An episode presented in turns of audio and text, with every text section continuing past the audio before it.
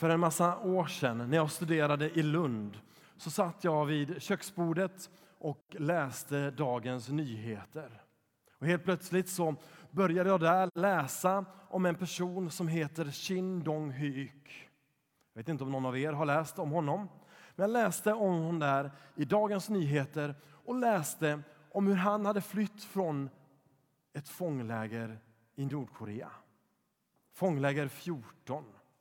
Och så fick jag då läsa om hans liv. Och Han beskrev hur han hade fötts av sina föräldrar som egentligen inte var ett par utan de hade belönats på grund av gott arbete att de fick sova med varandra. Och så hade han blivit till. Han växte upp i det här fånglägret och hans mat bestod huvudsakligen av kackerlackor och råttor. Och det var det han åt av och det var det han kände till.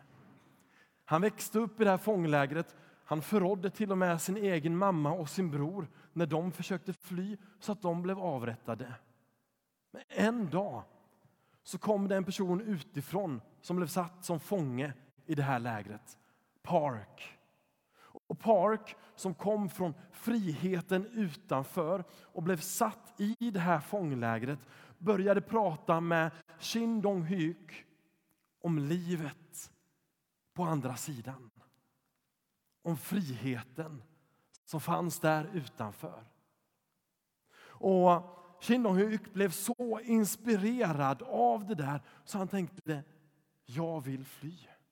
Shin och Park började göra upp en plan för att fly från det här fånglägret. Och så kom flyktdagen. Och när de skulle ta sig över elstängslet så blev det på något sätt så att Park tyvärr nuddade stängslet och dog.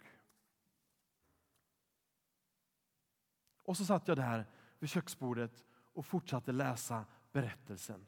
Och kunde knappt tro det var sant och förstår inte riktigt hur det fungerar heller. Men på något sätt så lyckades alltså Shin Dong-hyuk använda sig av Parks brända kropp som en slags bro eller sköld för att ta sig över elstängslet från dödens läger till livets sida. Och när jag läste detta tänkte jag, wow, det här är ju precis det Jesus gör för oss när det är påsk. Han kommer från den himmelska härligheten, stiger ner till jorden och den misär som på många sätt råder här. Han levde ett liv som oss, dog på ett kors och skapade genom sin kropp en bro för dig och mig från död till liv. En bro som du och jag får använda oss av och som påskens händelser och budskap gör tillgänglig för oss. Tack vare det så kan du och jag idag få ropa att Kristus är uppstånden. Ja, han är sannerligen uppstånden. Och det slutar ju inte bara med att Kristus dog. Det är därför vi firar den här dagen. För ytterligare ett antal år sedan så satt jag på ett tåg vid ett tillfälle. Började prata med en kvinna som satt på det här tåget. Hon frågade mig om jag visste hur lång nästa paus var på nästa perrong. För hon behövde röka och ville ha en lång rökpaus. Och så började jag och hon prata. Och när vi pratade så berättade jag att jag studerade teologi för att bli präst. Och hon började då berätta en berättelse för mig. Hon sa att hon inte var uppvuxen i ett kristet hem. Men så sa hon till mig att Johannes, när jag var sex år gammal så fick jag låna en barnbok från min katolska kompis i Polen där jag växte upp. Och den här barnboken handlade om Jesu liv. Så jag läste om den snälla Jesus. Och så kom jag till slutet och läste om hur de korsfäste Jesus och hur han dog. Och jag blev så ledsen. Och så berättade hon för mig hur ledsen hon blev och hur hon tre dagar senare hade träffat sin katolska kompis igen. Och den här kompisen hade sett att hon var ledsen och till och med frågat henne, Tanja, varför är du så ledsen? Och Tanja hade då berättat att jag är så ledsen för att Jesus som var så snäll korsfästes och dödades av så elaka människor. Och vet ni då vad hennes katolska kompis svarade? Men Tanja, det slutar ju inte där. Jag glömde berätta för dig att de sista sidorna i barnboken du fick låna hade råkat bli utrivna. Men om du hade fått läsa de sidorna så hade du fått läsa om att Jesus inte stannade i graven. Han låg där tre dagar, men sen uppstod han och han lever än idag. Och Tanja berättade för mig där på tåget att hon hade blivit så glad där som 60, eh, sexåring att hon nu fortfarande som 60-70-åring trodde på Jesus och trodde på livet som han kom för att ge dig och mig. Och därför får du och jag här i Fässbergs kyrka påsken 2023 ropa till varandra att Kristus är uppstånden. Ja, han är sannerligen uppstånden. Och så vill jag då säga några ord om dagens evangelietext. Maria är vid graven. Hon möter Jesus utan att veta om det och hon gråter. Jesu ord till henne är Varför gråter du? Maria hon grät i sorg för att hennes bästa vän hade dött. Och hon visste ju inte än att han var uppstånden. Han hade dödats och blivit lagd i en grav. Och nu står hon och pratar med Jesus. Jesus hade kunnat hoppa fram och säga Tada Maria! Här är jag! Sluta gråta nu, ryck upp dig! Men Jesus gör inte så. Istället så låter han henne gråta. Han låter henne tala till punkt när han frågar Maria, varför gråter du? Han vill inte bara presentera en lösning på problemet. Han ville möta henne där hon var, i hennes känslor, i hennes sorg och hennes besvikelse.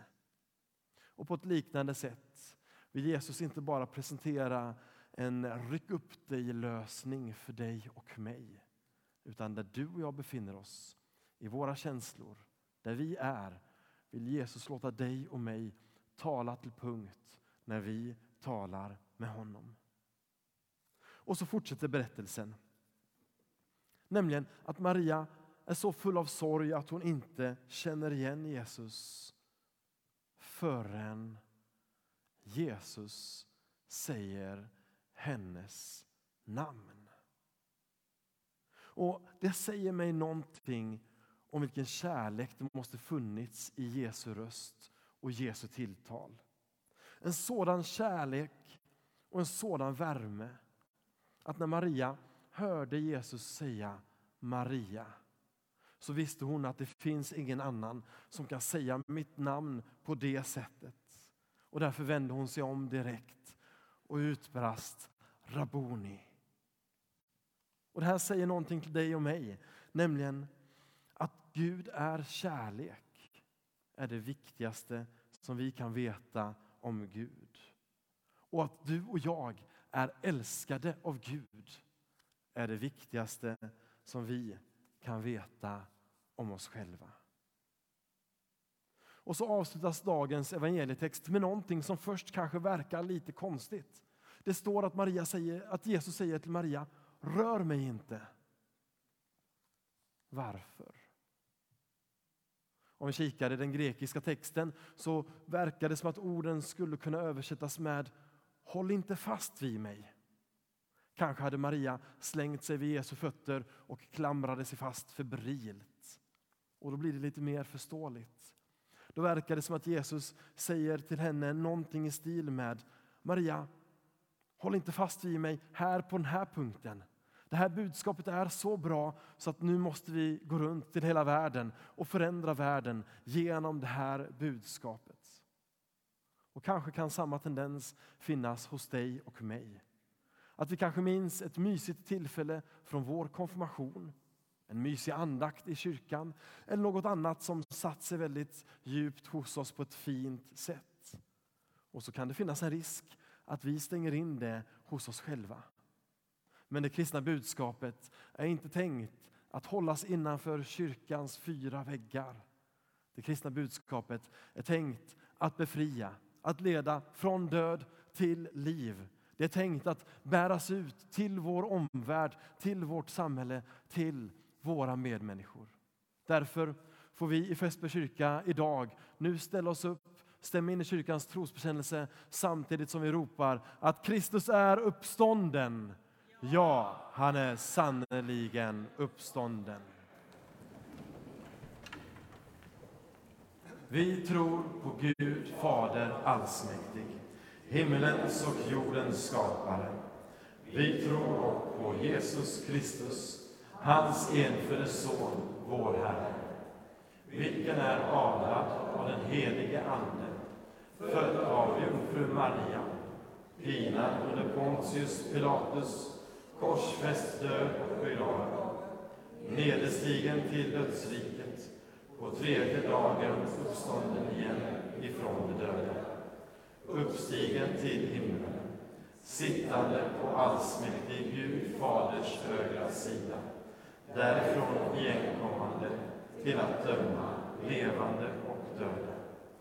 Vi tror på den helige Ande, en helig allmän kyrka, det heliga samfund, syndernas förlåtelse, dödas uppståndelse och ett evigt liv.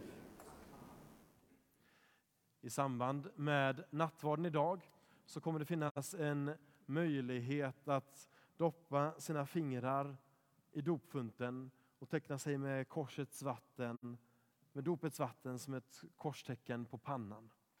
Genom hela kyrkans historia har påsknatten och påskdagen varit ett tillfälle som varit vanligt för dop och också ett vanligt tillfälle för doppåminnelse. Att påminna sig om detta, att jag är döpt och jag är Guds barn. Möjligheten finns alltså när du går fram till nattvarden att doppa dina fingrar i dopvattnet och teckna dig med ett kors i pannan. Som en del av doppåminnelsen vill jag därför ställa frågan till oss som församling. Vill ni med Guds hjälp leva i denna tro och visa den i kärlek till Gud, era medmänniskor och hela skapelsen? Och låt oss därför vandra i dopets nåd på Kristi väg med påskens ljus i våra hjärtan och våra händer. I Jesu namn. Amen.